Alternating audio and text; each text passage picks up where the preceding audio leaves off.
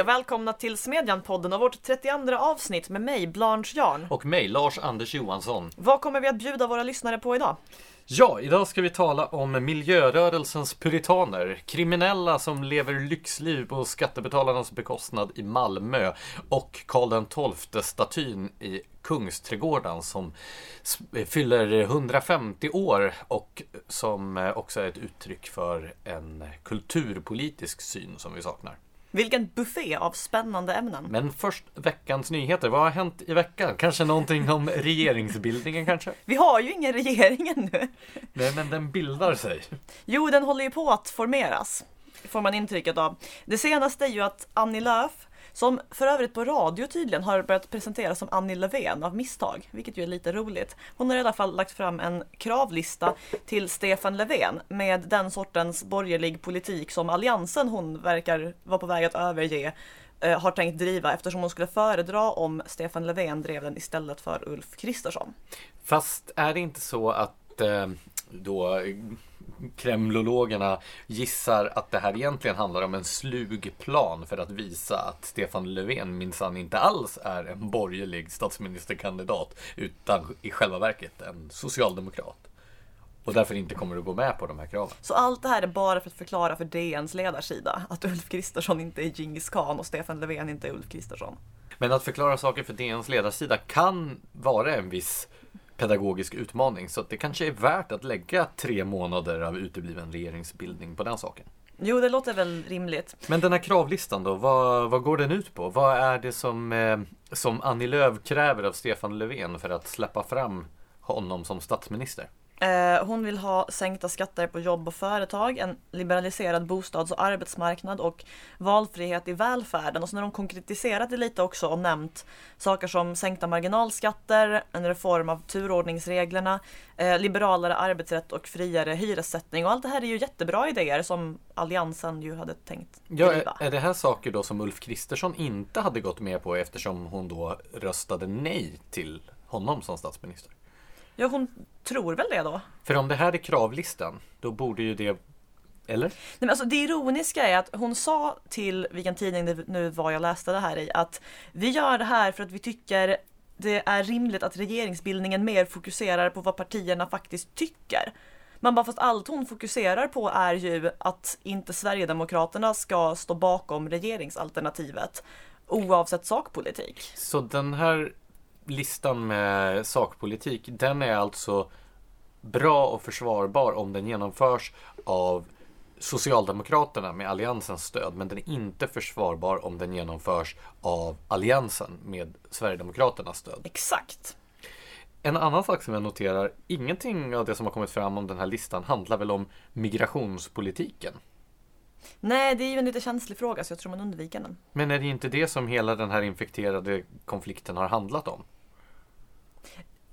Jo, alltså både ja och nej. Egentligen är det ju det, men samtidigt, de flesta partierna stod ju bakom den här senaste överenskommelsen som ju var ganska drastiskt begränsande av migrationen. Så nu hänvisar ju ofta de personer jag diskuterar det här med till värderingar i allmänhet som väldigt sällan specificeras. Så det känns som att man till och med har lämnat den konkreta frågan bakom sig lite. Ja, vad har mer hänt i veckan? Eh, vi kan ju ta och eh, vidga våra vyer och eh, blicka utomlands. Det har införts undantagstillstånd i Ukraina.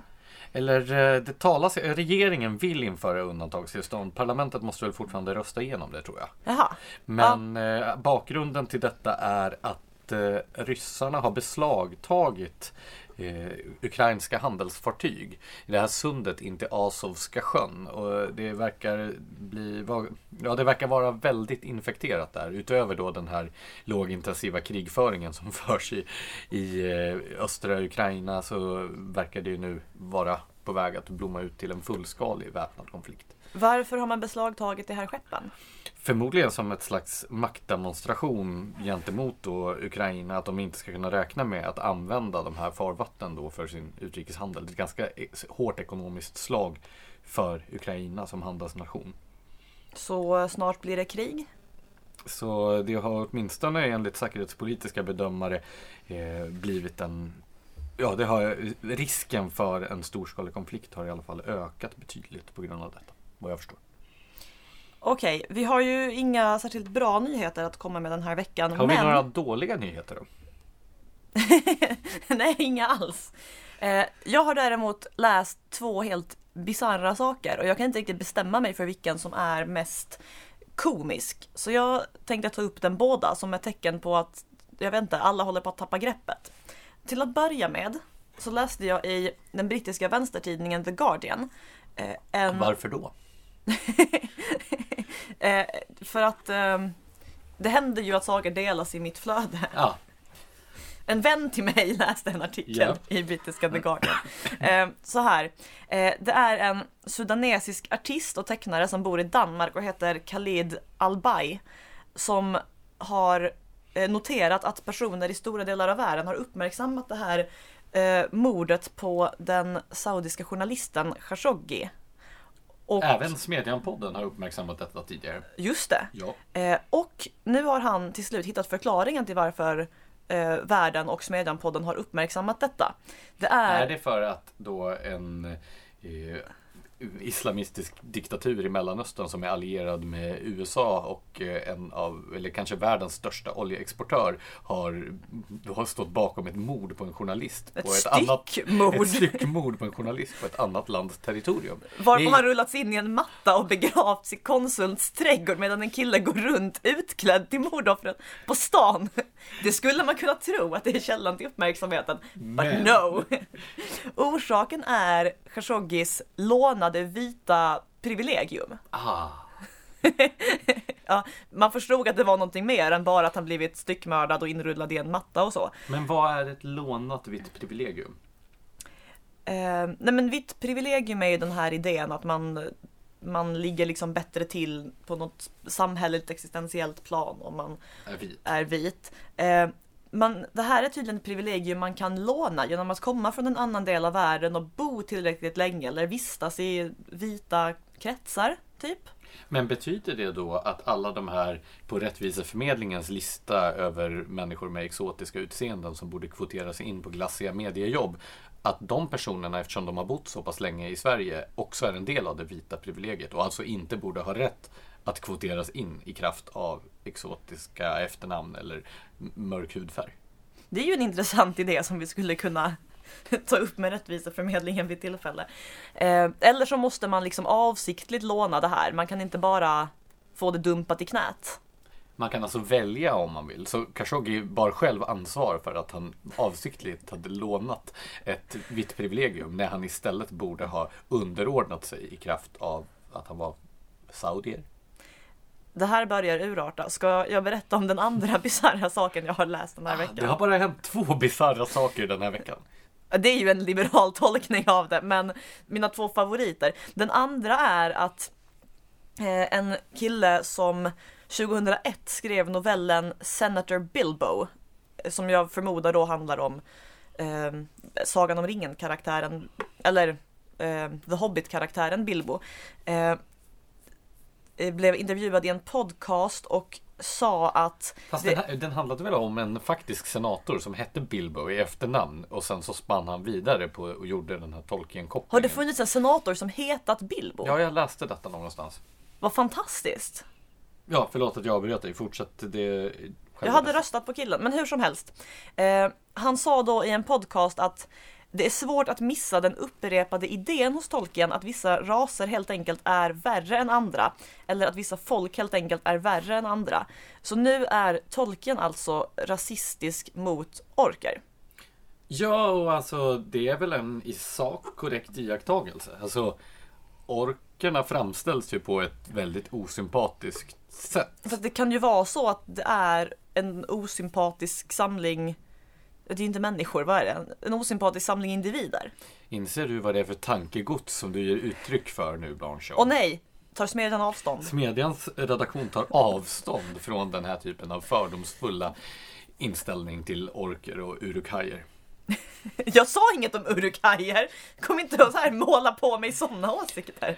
Ska vi eh, nu gå över till en betydligt mycket mer sympatisk och moraliskt högstående grupp varelser, nämligen miljörörelsen. Jo, låt oss göra det. Du har skrivit en text i veckan om vad du beskriver som miljörörelsens puritaner.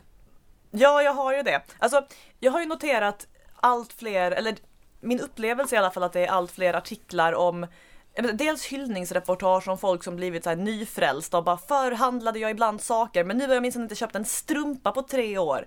Eller andra eh, så här någon tonåring som har omvänt hela sin familj och jag får såna här nästan religiösa vibbar av den här sidan av miljörörelsen. Och eftersom jag nyligen har läst The Scarlet Letter så uppstod i mitt huvud en koppling mellan puritanism och Miljöpartiet. The Scarlet Letter är alltså en roman. Du kanske ska förklara för våra lyssnare. Givetvis. Det är alltså en eh, amerikansk klassiker som utspelar sig på 1600-talet i Boston och beskriver ett samhälle, alltså puritanerna eh, nöjde sig ju inte med att sätta upp regler och förbud mot saker, framförallt olika typer av nöjen som de tyckte var ogudaktiga och så, typ så här sport, teater, spel, sex utanför äktenskapet, utan det såg ju till att skapa en väldigt stark social norm där den som bröt mot någon av de här reglerna skulle liksom skuldbeläggas och verkligen känna skam för vad den hade gjort. Och jag får lite samma vibbar av dagens miljörörelse. Alltså kommer du ihåg flygdebatten tidigare i år? Hur skulle jag kunna glömma? Just det. Nej men alltså där alla var så här hals över huvud för att berätta mest om alla fantastiska resor de själva avstod från för att de minsann är bra människor. Eftersom man då är en kass person om man flyger. Och underförstått här så är ju vi som flyger till ställen kassa personer och borde skämmas över vårt beteende. Likadant ofta i debatten om kött, att så här, den som inte är vegan eller åtminstone vegetarian borde skämmas lite för allt den gör mot sina medmänniskor. Och det finns två problem med den här attityden. Alltså dels så kan jag inte vara den enda som när jag hör de här debatterna bara känner att jag vill ta en riktigt stor hamburgare och flyga någonstans. Men alltså man blir ju provocerad när någon hela tiden försöker utmåla en som en kass person för att man har ja, men en rätt normal livsstil. Så här, ändra är du asket eller så borde du vara ashamed of yourself. Det är den ena grejen, att det kan skapa en form av motreaktion. Men det andra är också att många av den här miljörörelsens frontfigurer bryter ju glatt mot de här ganska stränga reglerna de sätter upp för hur andra bör bete sig. Alltså praktexemplet är ju eh, Al Gore som gjorde Eh, den här filmen eh, An Inconvenient Truth, en obekväm sanning. Och sen flög runt i världen och berättade för alla om detta. Som en skottspole runt planeten. Mm. eller så här, Fridolinjen är ju ett, ett känt begrepp. det rapporterades rätt nyligen också att klimatminister Isabella Lövins flygnota för den gångna mandatperioden ligger på 1,5 miljoner kronor. Och det framstår ju som en aning hycklande om miljörörelsens frontfigurer resonerar som att jo, det här, är, det här är dåligt så folk borde låta bli, men eftersom jag är så viktig och det jag gör är så viktigt så kan jag unna mig att göra det här. Men man fattar liksom inte att andra kanske också har viktiga jobb eller ett liv att leva eller någonting. Men bäst var ju hon eh, från Grön Ungdom. Vad är, vad är det hon heter? Uh, ja, um, varför kommer jag inte på det här? Men hon var, hon var språkrör för Grön ungdom. Ja, och eh, unnade sig att resa till Maldiverna på solsemester. Och fick frågan varför hon gjorde det, men hon själv är så emot att andra flyger.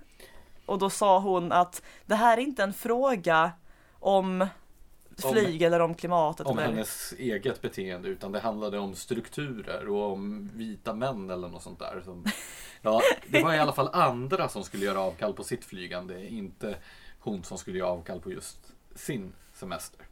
Precis, och det får ju också den här rörelsen att framstå som Dels framstår den som exkluderande, dels framstår den ju som deprimerande och dels framstår den ibland som en aning hycklande. Sen så är den ju inte heller, alltså de, den här typen av lösningar som bygger på skuldbeläggande och skam är ju inte heller effektiva. Alltså om, även om alla svenskar skulle sluta flyga så skulle det vara en droppe i havet jämfört med då alla de som nu börjar att flyga eftersom de plötsligt når en sån välståndsnivå i Latinamerika, Asien och så vidare. Johan Norberg skrev ju en, en eh, kolumn i Aftonbladet nyligen om just detta. Att om man ska möta flygutsläppen så är det knappast genom att då den lilla folkspillran i kalla Norden slutar med sina fåtaliga resor utan då handlar det ju om att snabbt utveckla flygtekniken på ett sånt sätt att den här ökande flygtrenden i resten av världen inte får samma miljöavtryck.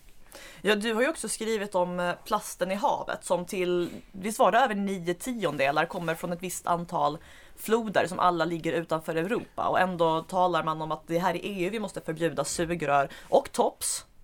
Ja, och alltså så här. Visst kan man invända då att även saker på marginalen gör ju skillnad och att vi har alla ett individuellt ansvar och så vidare. Ja, det är i sak korrekt.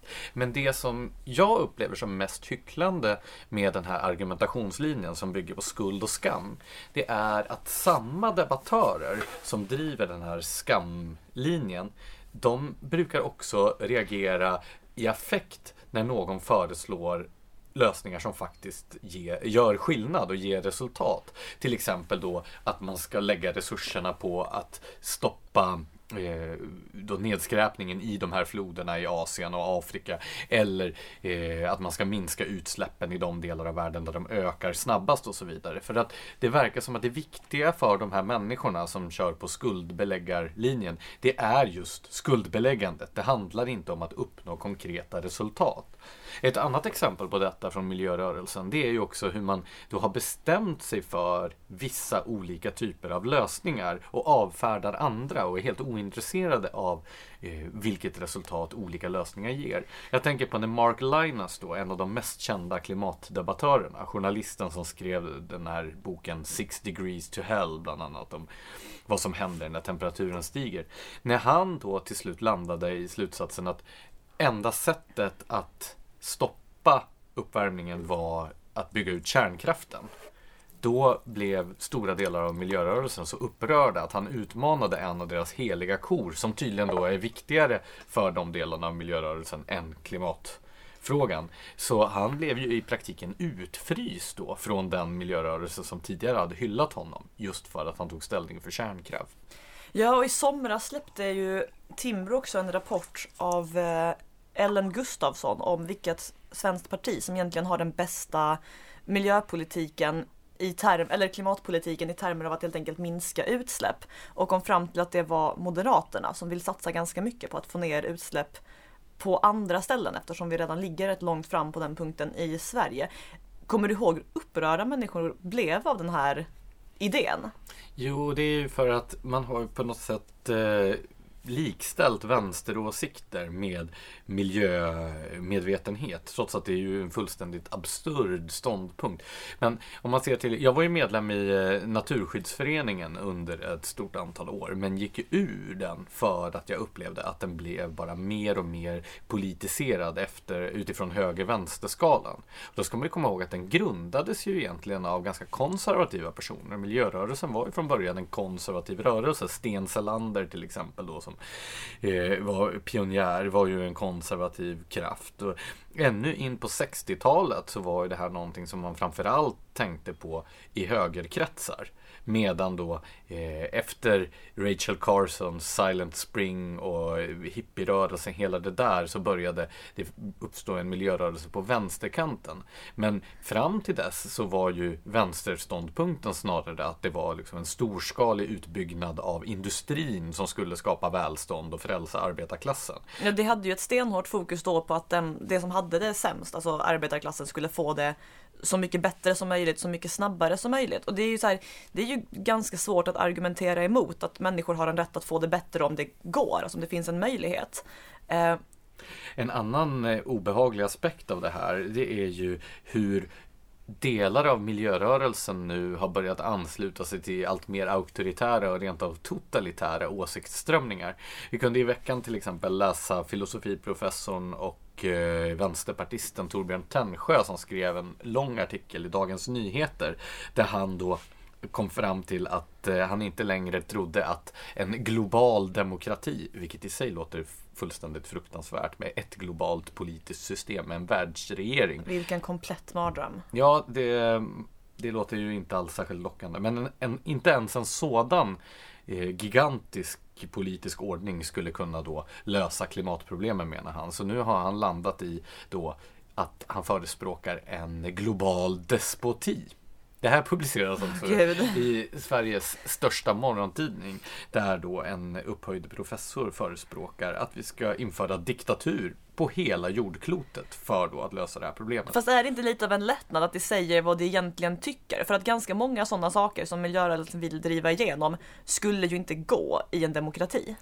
Nej, men samtidigt så är det ju så att den här typen av samhällssystem som Torbjörn Tännsjö och andra drömmer om har ju visat sig varenda gång vara inte bara humanitära katastrofer utan även miljökatastrofer. De här planekonomierna som Göran Greider och andra vill införa har ju alltid förstört miljön i mycket högre utsträckning än vad då eh, demokratiska och marknadsekonomiska samhällen har gjort. Ja, alltså googla typ Kina och miljö. Ja, och just Kina är ju ett intressant exempel. Jag hamnade tidigare i år i en paneldebatt med den norske klimatprofessorn Jörgen Randers som då anser att demokratin är ett alldeles för trögt system för att kunna hantera den här typen av eh, frågor som miljöfrågorna utgör. Så därför så framhöll han istället de kinesiska myndigheterna som ett positivt exempel då på ett system som var effektivt. Och jag tänker så här, ja, jo, effektivt, det kan man ju, det, det får man ju ändå ge Kina, men frågan är vad de använder den här effektiviteten till och till vilket pris. Dessutom, Kina verkar inte heller vara något föredöme ur ett utsläppsperspektiv. De bygger ju nu ut sin eh, kolkraftproduktion med en fjärdedel och den fjärdedelen den motsvarar då hela Förenta Staternas kolkraftsproduktion. Herregud. Men eh, någonting säger mig att den här typen av auktoritära personer som Torbjörn Tännsjö och Jörgen Randers, för dem är det väl egentligen diktaturen som är det viktiga och miljöfrågan snarast en förevändning.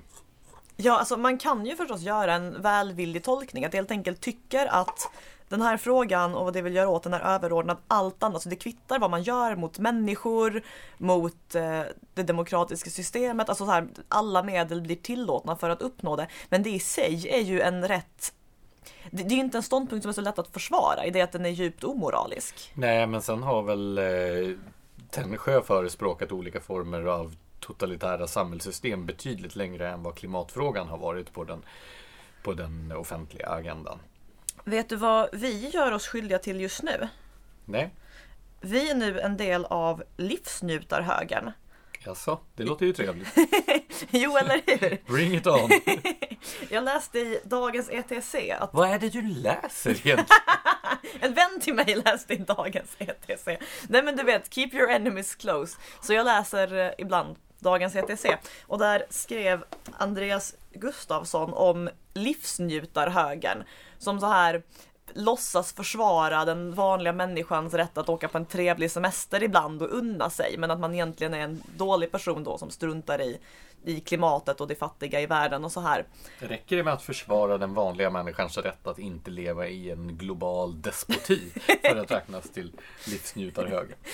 Det är en fråga man kan ställa. En annan är så här, blir man verkligen livsnjutare för att man inte är vegan som vägrar flyga? Nej men alltså i min värld så blir Alltså man inte livsnjutare. veganmat är ju väldigt tråkigt. Alltså. Jo, jag vet, jag vet. Men så här, räcker det att äta en hamburgare någon gång ibland? Alltså, det där är så konstigt också. Varför, varför skapar man en substans och ger den ett så vidrigt namn? Det kanske var det första ljudet som kom när någon, när någon provsmakade det. Ändra det, eller så är det så det låter om man tappar en mängd av det i golvet. Jag vet inte.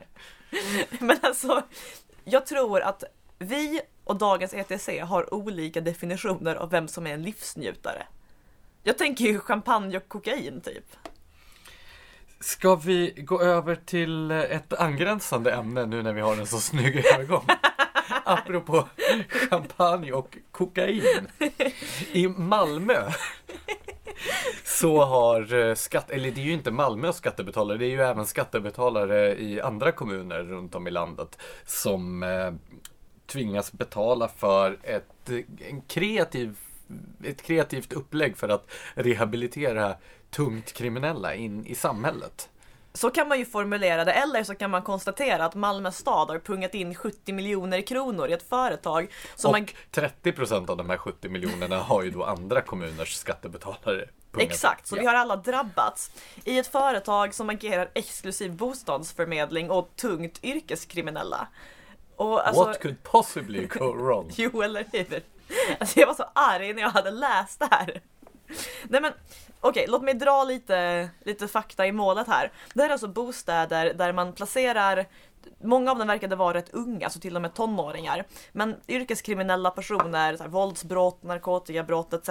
För att det ska komma på rätt spår igen. Till exempel hade två tonåringar fått en femrumslägenhet med balkong och öppen spis ett stenkast från centralen i Malmö. Inklusive en städerska för att inte ens kunna hålla ordning på sin egen lyxlägenhet som kommer dit och städar upp deras skit. Och då hade någon socialen kvinna smsat en av de här killarna och bara städerskan kommer klockan 13. 13 är en hyfsat rimlig tid. Men den här killen bara nej, ingen väcker mig så tidigt, jag kommer hutta henne från balkongen typ. Vad betyder hutta? Alltså det betyder knuffa eller slänga, alltså Ja, man, okej. man defenestrerar från en balkong. Ja. Defenestrering är för övrigt ett fantastiskt begrepp. Ja, jag älskar det. Men i alla fall. Eh, så inte ens liksom att släppa in städerskan på eftermiddagen kunde man begära av de här extremt bortskämda människorna. Till storyn hör också att han just den här eh, morgonen var rätt trött eftersom han spenderat en lång natt på stan efter vilken hans fingeravtryck hittades. Tillbringat en Ha? lång natt på stan. Vad sa jag? Spenderat. Ah! Jag måste gå och ägna mig åt lite självspäkning, sen kommer jag att komma tillbaka och skämmas. Men i alla fall, man hittade hans fingeravtryck på sprängrester efter ett bombdåd. Och har man haft en så spännande natt kan man ju förstås inte förväntas att släppa in en städerska som någon annan har betalat för. Eh, och det finns en massa andra exempel. En snubbe bodde i Bunkeflo strand eh, där han attackerade en granne och mordhotade tre andra. En annan kille eh, Alltså, tanken är att man inte ska begå brott när man bor i de här lyxlägenheterna. Det är en bra tanke. Jo, så det är en, det är en bra tanke. Eh, men en kille försökte skjuta ihjäl sin kusin på grund av en ekonomisk Nej. skuld. Med... jo, Det är lågt. jo det, det är en bra poäng Lars-Anders, jag håller med. Eh, nej, men han, han försökte ha ihjäl sin kusin på grund av en skuld. Eh, en annan av de här, eller så är det en av den vi redan nämnt, men en sån här ung brottsling var, jag tror på ett behandlingshem på Gotland. Poängen är att han var på Gotland, var på en eh, anställd på socialen tar med hans flickvän och reser upp till Gotland. Eh, och så här, bor på hotell på Malmös bekostnad och åker runt och turistar. Det här företaget jag nämnde som fått de här 70 miljonerna eh, arrangerar en skidresa till Sälen. Och bilden som framträder här är ju att de här kriminella människorna lever så mycket bekvämare liv än deras laglydiga jämnåriga, eller åtminstone de flesta av deras laglydiga jämnåriga kan drömma om. Alltså, om jag föds i Rosengård då kan jag ändra välja att ge mig in i den kriminella världen och som 18-åring ha en lyxlägenhet i centrala Malmö. Vill jag ha en sån och ta den laglydiga vägen, då måste jag så här hålla på och spara till en kontantinsats i jag vet inte hur många år. Medan samma poliser som nöjer sig med att göra en orosanmälan eh, när det här kriminella ägnar sig åt ja, men det här den livsstil de gör i de här nice lägenheterna på någon annans bekostnad håller på att ge en svindyra bötesbelopp om man så här glömt sätta på sin cykellykta när man cyklar runt i Malmö. Alltså det här är så skevt. Mina associationer vandrar ju i två olika riktningar. Dels så tänker jag på när eh, ett antal svenska kommuner, eh, jag kommer spontant att tänka på Örebro och Stockholm, skulle erbjuda i, alltså återvändande IS-terrorister som då kom tillbaka till Sverige efter att ha utövat massvåldtäkter och massmord och halshuggningar och gud vet vad. Eh, att de då skulle eh, att de skulle belönas med eh, bostad, att de skulle få gå före i bostadskön och få betalda praktikplatser och en massa andra features som då vanliga eh, hederliga medborgare inte kan räkna med. Eh, men och den andra saken jag associerar till det är ju eh, på 90-talet när det var populärt, framförallt i socialdemokratiska kommuner, att värstingar, som man kallade det på den tiden, de var ju alltså en västanfläkt jämfört med återvändande IS-terrorister. eller de här gamängerna i Malmö som du har beskrivit. Du kallar dem just gamänger. Livsnjutar malmöiterna. Men eh, värstingar, alltså de framstår ju verkligen som oskyldiga personer.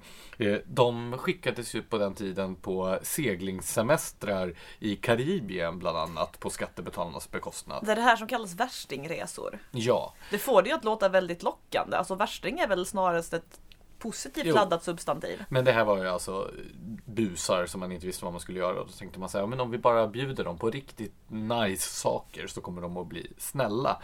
Och det är ju en slags incitamentstruktur som präglar hela den här socialdemokratiska kriminalpolitiken och har gjort det under efterkrigstiden. Som utgår från den här kriminologiska uppfattningen om att kriminella i själva verket är offer. Medan offren i själva verket är helt ointressanta. Eller hur? Så här, samhället har varit taskigt mot den här personen som blev kriminell. Som samhället bara är så snällt som möjligt mot den nu och ger bort alla sina pengar till den. Så kommer den här personen att bara, nej men det verkar vara rätt nice att vara laglydig och inte få alla de här nice sakerna som jag får för att jag är kriminell. Jag tänker på eh, förra rikspolischefen Dan Eliasson när han stod i Aktuellt var det va och uttalade sig om den här våldtäktsmannen. Och Åh gud. Man kan bara föreställa sig vad han har gått igenom. Alltså, hur kan man ens, hur kan man ens tänka, alltså, eller, alltså Hur även kan om man det vara tänker den så, spontana, hur kan man omedelbara- säga? Ja, nej, det, men det förklarar ju lite vilket synsätt som ligger bakom det här. Samtidigt, om man då ska bruka lite allvar, så är det ju så att det kan ju fortfarande vara rimligare att försöka rehabilitera in tungt kriminella i samhället igen och försöka få in dem på arbetsmarknaden och så vidare än alternativet. Så, Vad är alternativet här? Ja, att de fortsätter med sin tungt kriminella verksamhet. Jag tänker så här, om man lägger skattepengar på att försöka rehabilitera in en IS-terrorist eller en, ja nu ska väl i och för sig inte IS-terroristen överhuvudtaget återvända till Sverige utan förgås i någon öken någonstans eller dömas i det land där den har begått sina ohyggliga brott. Men om vi tar de här gängkriminella så är det ju mycket bättre om de slår in på en hederlig bana och om det så bara är en av tio så kan det ju fortfarande visa sig vara samhällsekonomiskt lönsamt. För att alltså det är ju inte, här handlar ju inte främst om det samhällsekonomiska utan problemet är ju primärt det moraliska. Alltså man tar pengar från hederliga människor och ger till sviniga människor. Det är ju genuint fel, då kvittar det om man vinner på det samhällsekonomiskt. Det ska fan inte ha det bra. Nej, men vad ska man göra åt dem då? Men alltså till att börja med, om någon är en kriminell gängmedlem i Malmö, placera dem inte i centrala Malmö i en nice lägenhet där alla deras gamla kompisar kommer vilja hänga. Ja, alltså så här, mitt resonemang här om rehabilitering in i samhället var ju inte argu- en argumentation för att den lösning som man har testat i Malmö verkar vara optimal.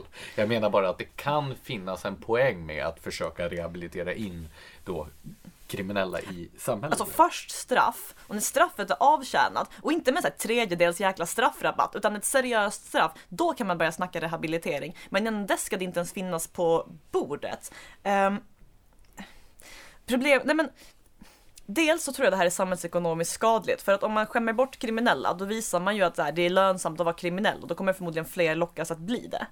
Så om vi snackar strukturer så är det ju fel väg att gå även där. Det blir dessutom mycket mindre lockande för alla oss andra att betala skatt när vi noterar vad det går till för skit.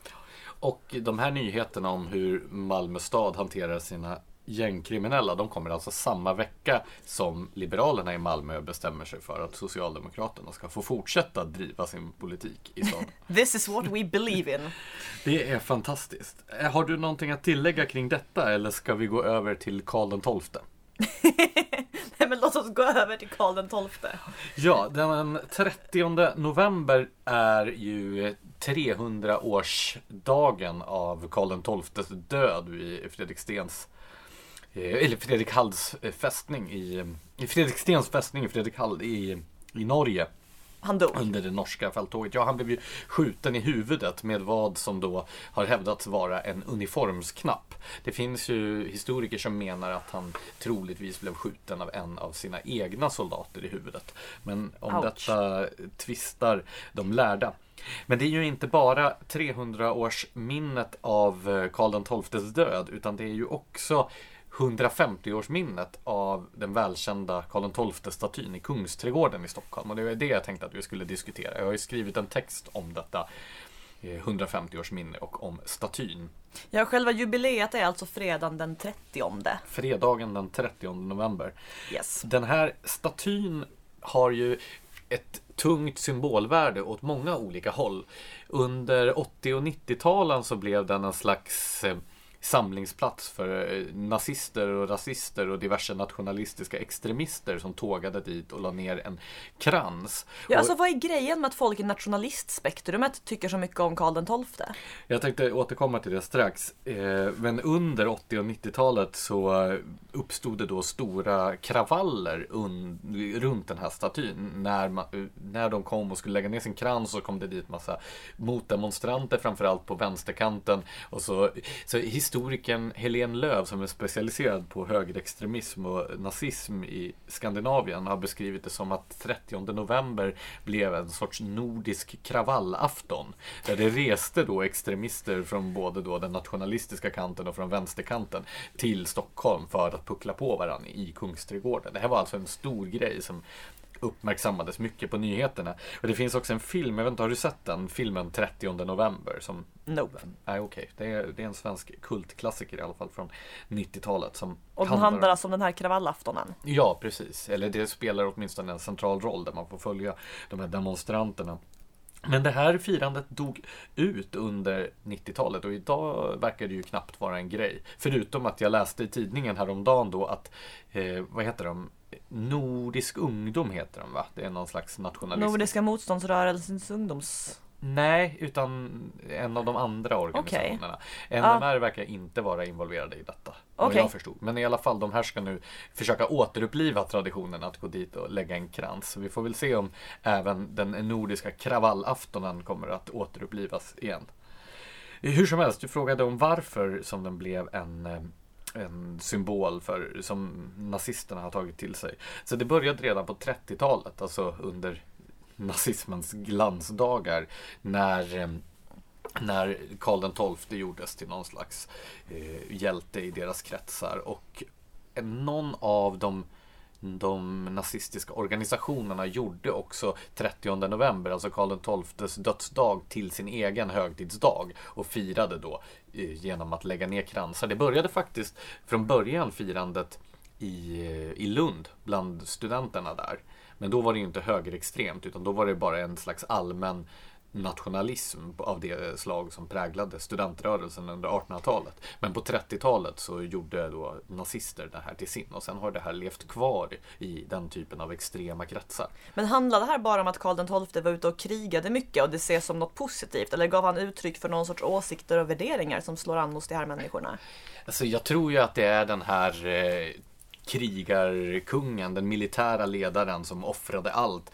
Alltså i den nazistiska och i den fascistiska ideologin så finns ju den här idén om samhället och staten som en och samma organism som strävar mot ett och samma mål. Och det här målet är ju då militaristiskt. Så att där under hela Karl XIIs regeringstid så befann ju sig Sverige i krig mot alla sina grannländer. Och hela hans regeringsskap var ju inriktat på den här krigsinsatsen. Han eh, drog ju ut i krig när han var 18 år och sen var det ju krig ända tills han stupade. Och det tilltalar väl den här typen av rörelser. De vill väl gärna se hela samhället då som inställt på en sådan krigsinsats. Om man tittar på hur det har sett ut, ja men som i det nazistiska Tyskland så var det ju så man ställde om hela samhället också.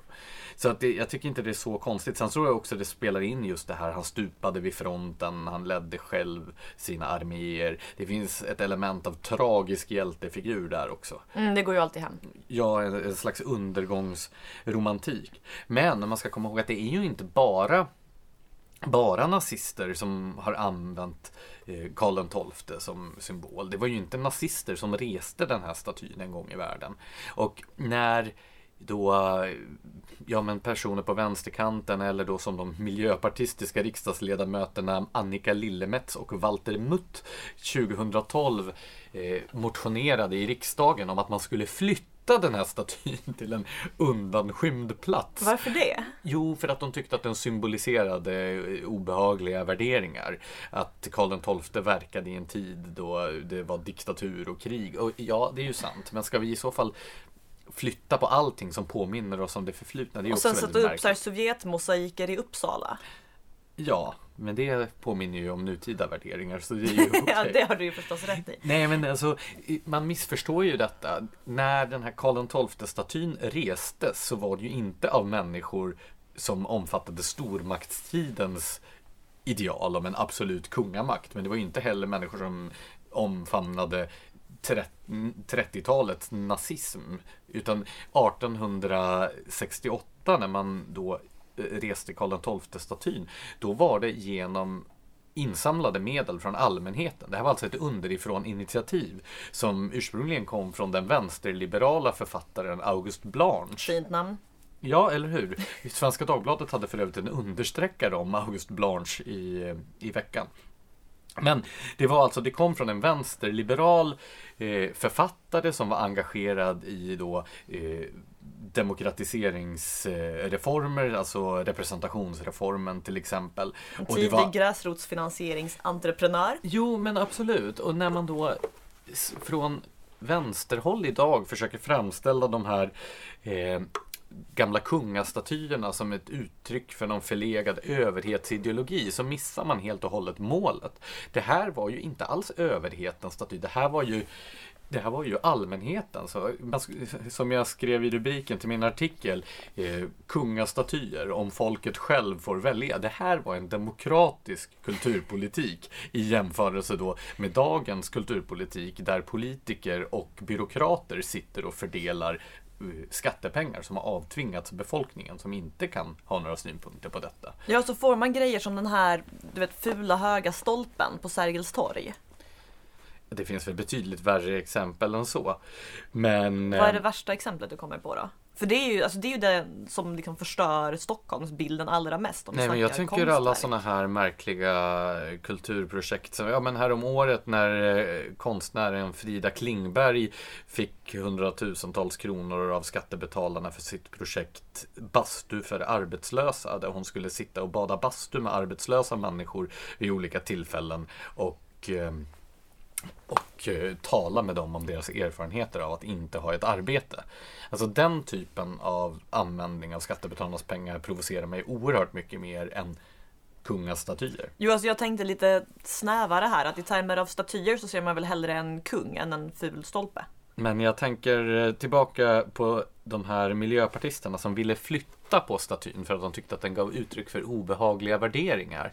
Jag associerar då till Warszawa och det här kulturpalatset som Josef Stalin skänkte som en gåva till Warszawas befolkning. Det är ju en väldigt populär byggnad. Alltså det är ju den främsta märkesbyggnaden i Warszawa och mm. de som bor där är ju stolta över den, tycker om den. På alla vykort från Warszawa så ser man den här Stalinskrapan och så vidare. Det betyder ju inte att dagens polacker omfattar minnet av stalinismen och Josef Stalin med någon större värme.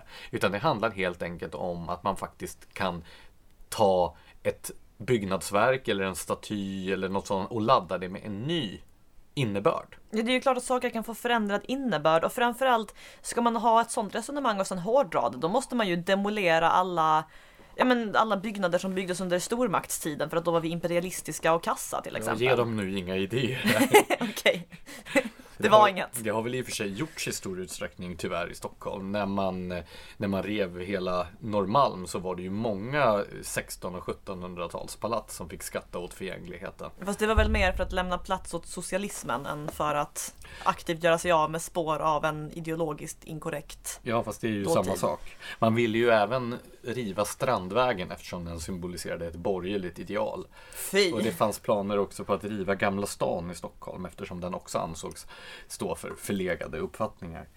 Men jag tycker åter till Karl XII-statyn, den illustrerar också skillnaden mellan då eh, folkliga initiativ och myndigheternas inkompetens. För när då den här statyn skulle invigas den 30 november 1868 då hade myndigheterna byggt läktare runt om statyn där då framstående stockholmare skulle få se avteckningen av statyn. Och de här läktarna var så höga så att den församlade allmänheten inte kunde se statyn, alltså de som hade betalat, betalat för, för statyn. Och det skapade en viss frustration och alltsammans urartade i kravaller. Vilket då i sin tur ledde till att um, att myndigheterna lät utlösa en kavallerichock rakt in i den uppretade folkmassan. Så eh, gendarmer med dragna sablar red rakt in i människomassorna med då eh, ett antal personskador som följd. Alltså kan myndigheter göra något rätt? Någonsin? Vi kan lämna det som en öppen fråga till våra lyssnare. Okej. Däremot så måste jag bara eh, avsluta den där episoden med att det är så tragiskt också för August Blanche, alltså författaren som hade tagit initiativ till hela den här statyinsamlingen. Mannen med det vackra namnet. Han fick aldrig se statyn avtäckt på sin plats för han avled på väg till invigningen. Han började bli illamående när han promenerade dit och gick in på ett apotek för att söka hjälp och segnade död ner. Vad hade hänt? Ja, det har jag inte lyckats ta reda på vad som var Det där är ju verkligen ödets värsta ironi. Han slapp i alla fall bli nedriden av beväpnade gendarmer med sablar. Så. Jo, fair enough. Han kanske undkom ett värre öde. Eh, Men okej, kulturpolitik har ju inte bara varit på agendan den här veckan på grund av Karl den XII. Utan Moderata ungdomsförbundet har ju också gjort ett utspel. Ja, de gjorde ju flera utspel i samband med sin stämma där de bland annat tog beslut om att eh, de ska verka för att avskaffa allt statligt stöd till kulturlivet och en total avveckling av public service. Alltså det låter ju inte jättehemskt. Men det här retade ju upp då personer i kulturlivet naturligtvis. Ja, det som får de här pengarna som Moderaterna ville strypa. Ja, nej men eh, det, om man vill skaffa sig många röststarka fiender med tunga plattformar i offentligheten så kan man ifrågasätta det statliga stödet till kulturlivet. Det, Och public det, service. Det slår aldrig fel. Men eh, det som det var ju inte så konstigt, alltså ungdomsförbund intar ju alltid radikala ståndpunkter som kan upplevas som provocerande av somliga. Nekrofili, anyone? Men eh, eh, vad var det jag nu försökte säga? Nej men ungdomsförbund intar ju alltid eh, radikala ståndpunkter som kan upplevas som provocerande av somliga. Till exempel Liberala ungdomsförbundets förslag häromåret. Ja, var det det som hade nekrofilin eller det som hade incesten? De hade både och. Ah, just det! Men, så det är ju inte så konstigt i sig att eh, Moderata ungdomsförbundet går ut med radikala förslag. Däremot var reaktionerna häpnadsväckande grunda och ogenomtänkta. Bland annat så såg jag att personer, även etablerade opinionsbildare, gick ut och anklagade eh, Moderata ungdomsförbundet för att driva Sverigedemokraternas kulturpolitiska linje. Och- Men den enda överlappningen här är väl då att båda vill lägga ner P3? Ja, nej, men det är jättekonstigt för Sverigedemokraterna vill ju lägga jättemycket pengar på kultur. Deras kulturpolitik påminner ju mycket mer om Socialdemokraternas kulturpolitik än om Moderata ungdomsförbundets kulturpolitik. Ja, det vill ju detaljstyra ner på nivån att det ska vara svensk historia i datorspelen. Ja, de vill ju att staten ska gå in och eh, ge subventioner till datorspelsföretag som gör datorspel om nordisk mytologi. ja, nej men så här, de har ju kanske Ja. andra idéer om vad det är för innehåll som kulturen eh, ska, ska ha. Men de har ju exakt samma längtan efter att vara inne och peta och styra och ställa som de mest interventionistiska socialdemokrater och miljöpartister har. Och skattefinansiera. Ja, naturligtvis. Så att just så här att anklaga, man kan, vara, man kan tycka vad man vill om MUFs förslag att skära ner på det statliga stödet, men att anklaga det för att vara Sverigedemokratiskt är ju bara fel. Ja, alltså den här standardanklagelsen man annars alltid hör, att det här är ett nyliberalt förslag. När det för en gång skull passar in, då använder man inte ens det här är ett nyliberalt förslag, utan man bara det här är Sverigedemokratiskt. Ja, Det, det kan liksom aldrig träffa rätt. Och sen var det ju den här eh, andra grejen som man anklagade MUF för då, och det var att de skulle vilja ta kontroll över media och kulturen. Men alltså, hur? Nej, det är ju också helt felaktigt eftersom att då sluta med politiskt inflytande över en sektor är ju motsatsen till att ta kontroll över den. Ja, men här är det ju utifrån något slags eh, marxistisk analys av att allting som kontrolleras av staten kontrolleras i själva verket av folket. Medan det som inte kontrolleras av staten, det kontrolleras då av ondskefulla kapitalister i cylinderhattar i, i några mörka styrelserum med mahognybord. Alltså så ser väl analysen ut. Så att allting som inte är statligt är i själva verket kontrollerat av högern. och kapitalet, det är muff. Ja, precis. Nej, men MUF ses väl som någon slags kapitalets förlängda arm här som har någon slags som har någon slags agenda på kapitalets uppdrag. Men det är också så ironiskt då för att från de här upprörda personerna på Twitter och annorstädes som rasar nu mot Moderata ungdomsförbundet så anförs då Polen och Ungern som exempel då på hur det kan gå. Men det är ju exempel på hur det kan gå när man har statlig kontroll över kultur och media. Alltså ofta Polen och Ungern skulle kunna göra sina reformer om staten slutade betala för kulturen. Men alltså, det här visar ju också på ohederligheten i vänsterargumentationen på de här områdena. När, eh, när min bok Att dansa efter maktens pipa recenserades i Aftonbladet av eh, Cinciana Ravini som ju har varit på tapeten även nu på, på senare tid. Hon har ju en grej för Timbro-böcker. Ja, nej men då var ju hennes slutsats, alltså jag argumenterar ju där eh, mot politisk styrning av kulturlivet. Och det här, eh, det här tolkar ju hon som att jag är för politisk styrning av kulturlivet. Summan av hennes argumentation var väl i princip att jag var en slags kryptonazist och en extrem nyliberal och till råga på allt även dum i huvudet som inte förstod att de här två sakerna inte gick ihop. Ja, visst var det en sån här fantastisk radda med adjektiv du fick som slutade med skräcklitteratur? Ja, det var något sånt. Men alltså det är ju inte bara personer som Ravini som argumenterar på det här sättet utan även Eh, Henrik Berggren i sin eh, recension i Dagens Nyheter som ju eh, hävdade att jag förespråkade en offensiv borgerlig kulturpolitik och lät som en sovjetisk kulturkommissarie. Det vill säga, när jag argumenterar för att politiken inte ska styra, eh, styra kulturlivet, då framställer en sosse som Henrik Berggren mig som en sovjetisk kulturkommissarie. Och jag får liksom inga roligare påhopp än att jag är köpt av kapitalet. Ja, nej men. Eller industrin. Det är ju i ljuset av det här som man måste förstå kritiken mot Moderata ungdomsförbundets utspel.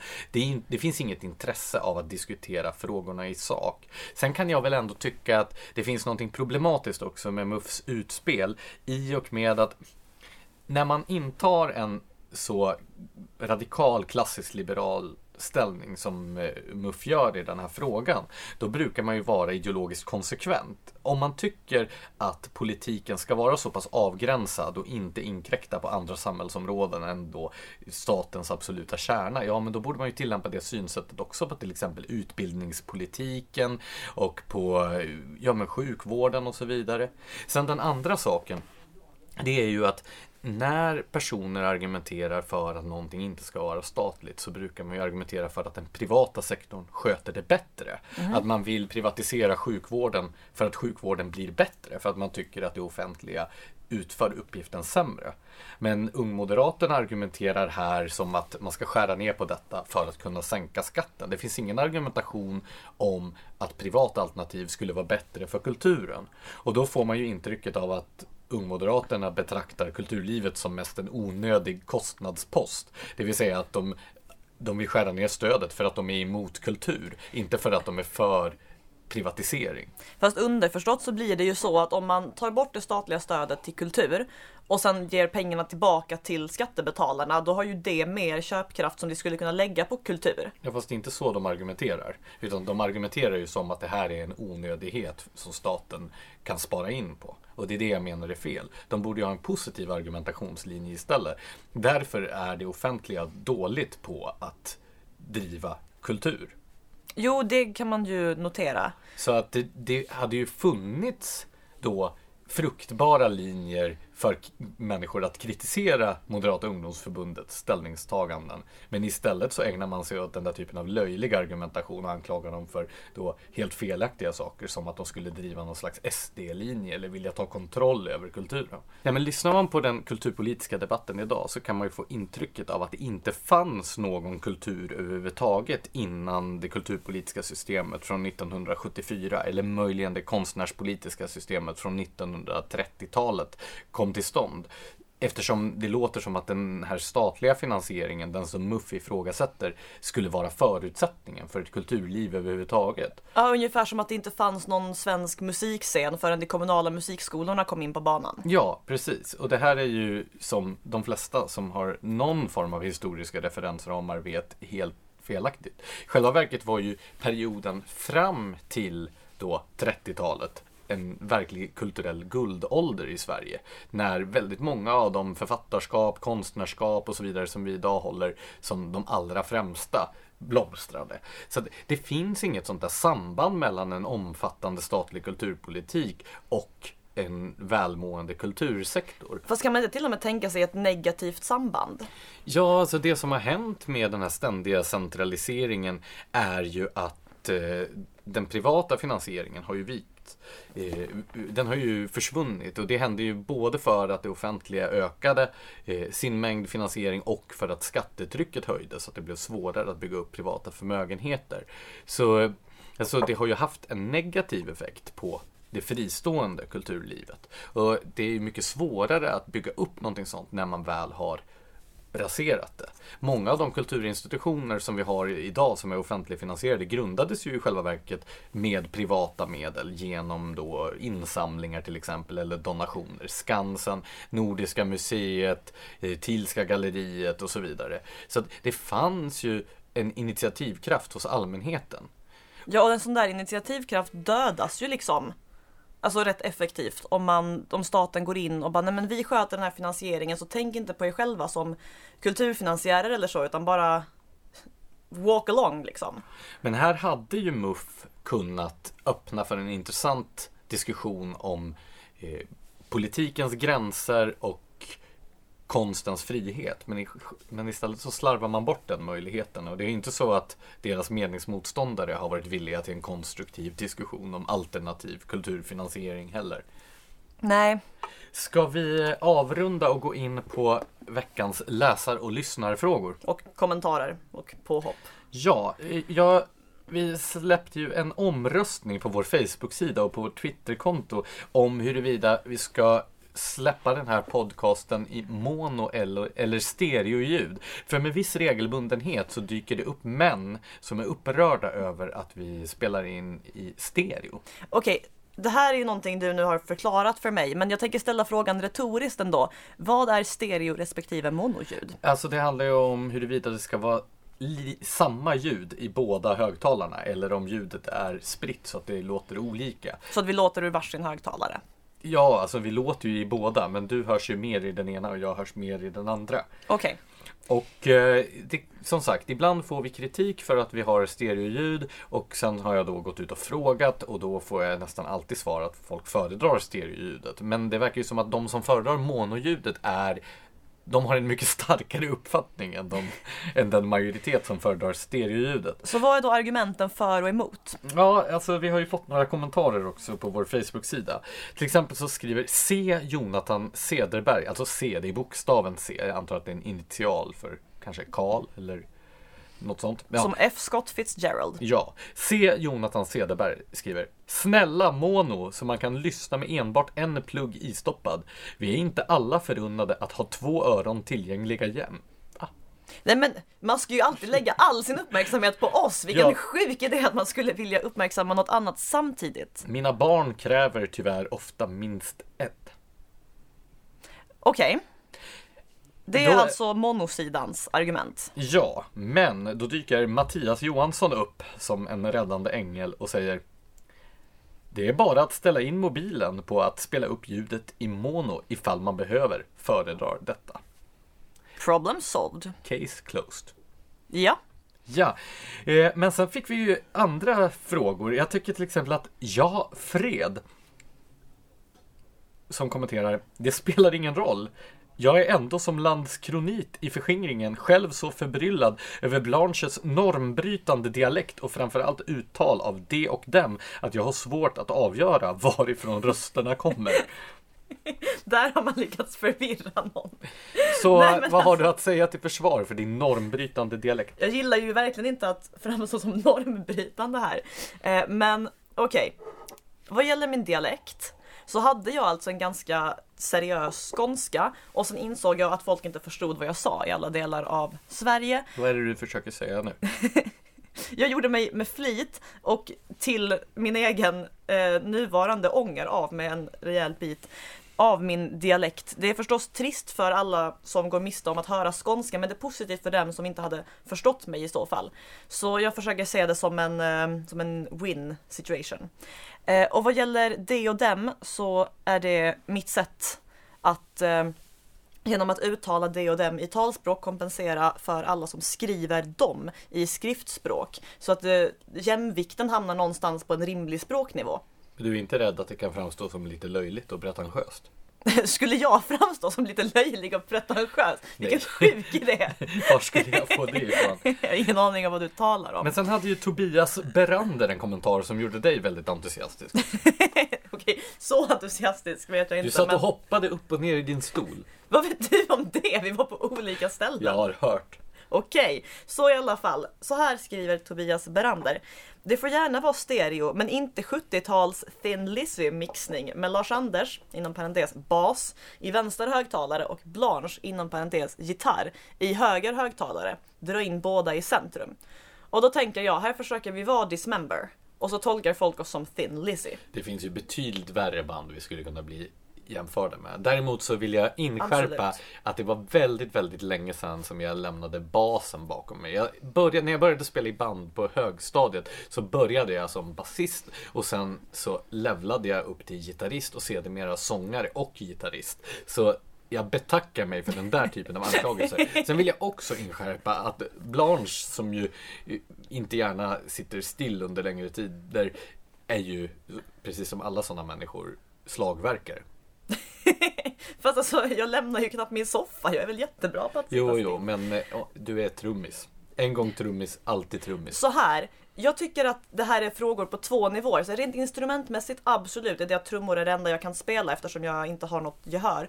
Men, Det finns inga män när man har konstaterat jo, detta. det finns ett men. Nej. För när du anklagade mig när jag skrev det här om Dismember för att vara Amon Amart, alltså hela ja, det bandet. var lågt. Jag ber om Det var väldigt detta. lågt, men då fick jag känslan av att du egentligen var bitter för att jag hade blivit gitarristen och du är basisten eftersom det är ett Jo, faktum det att gitarristen i 90% av alla fall är coolare än basisten. Ja, och jag är ju gitarristen. Däremot Men då kanske jag bara var coolare. är du ju trummis. Okej, så nu när vi nu när vi har det här avklarat, välkomna till Smedjans nästa gig. Det kommer att, det kommer att bli jättekul och bra. Tack för att ni har lyssnat.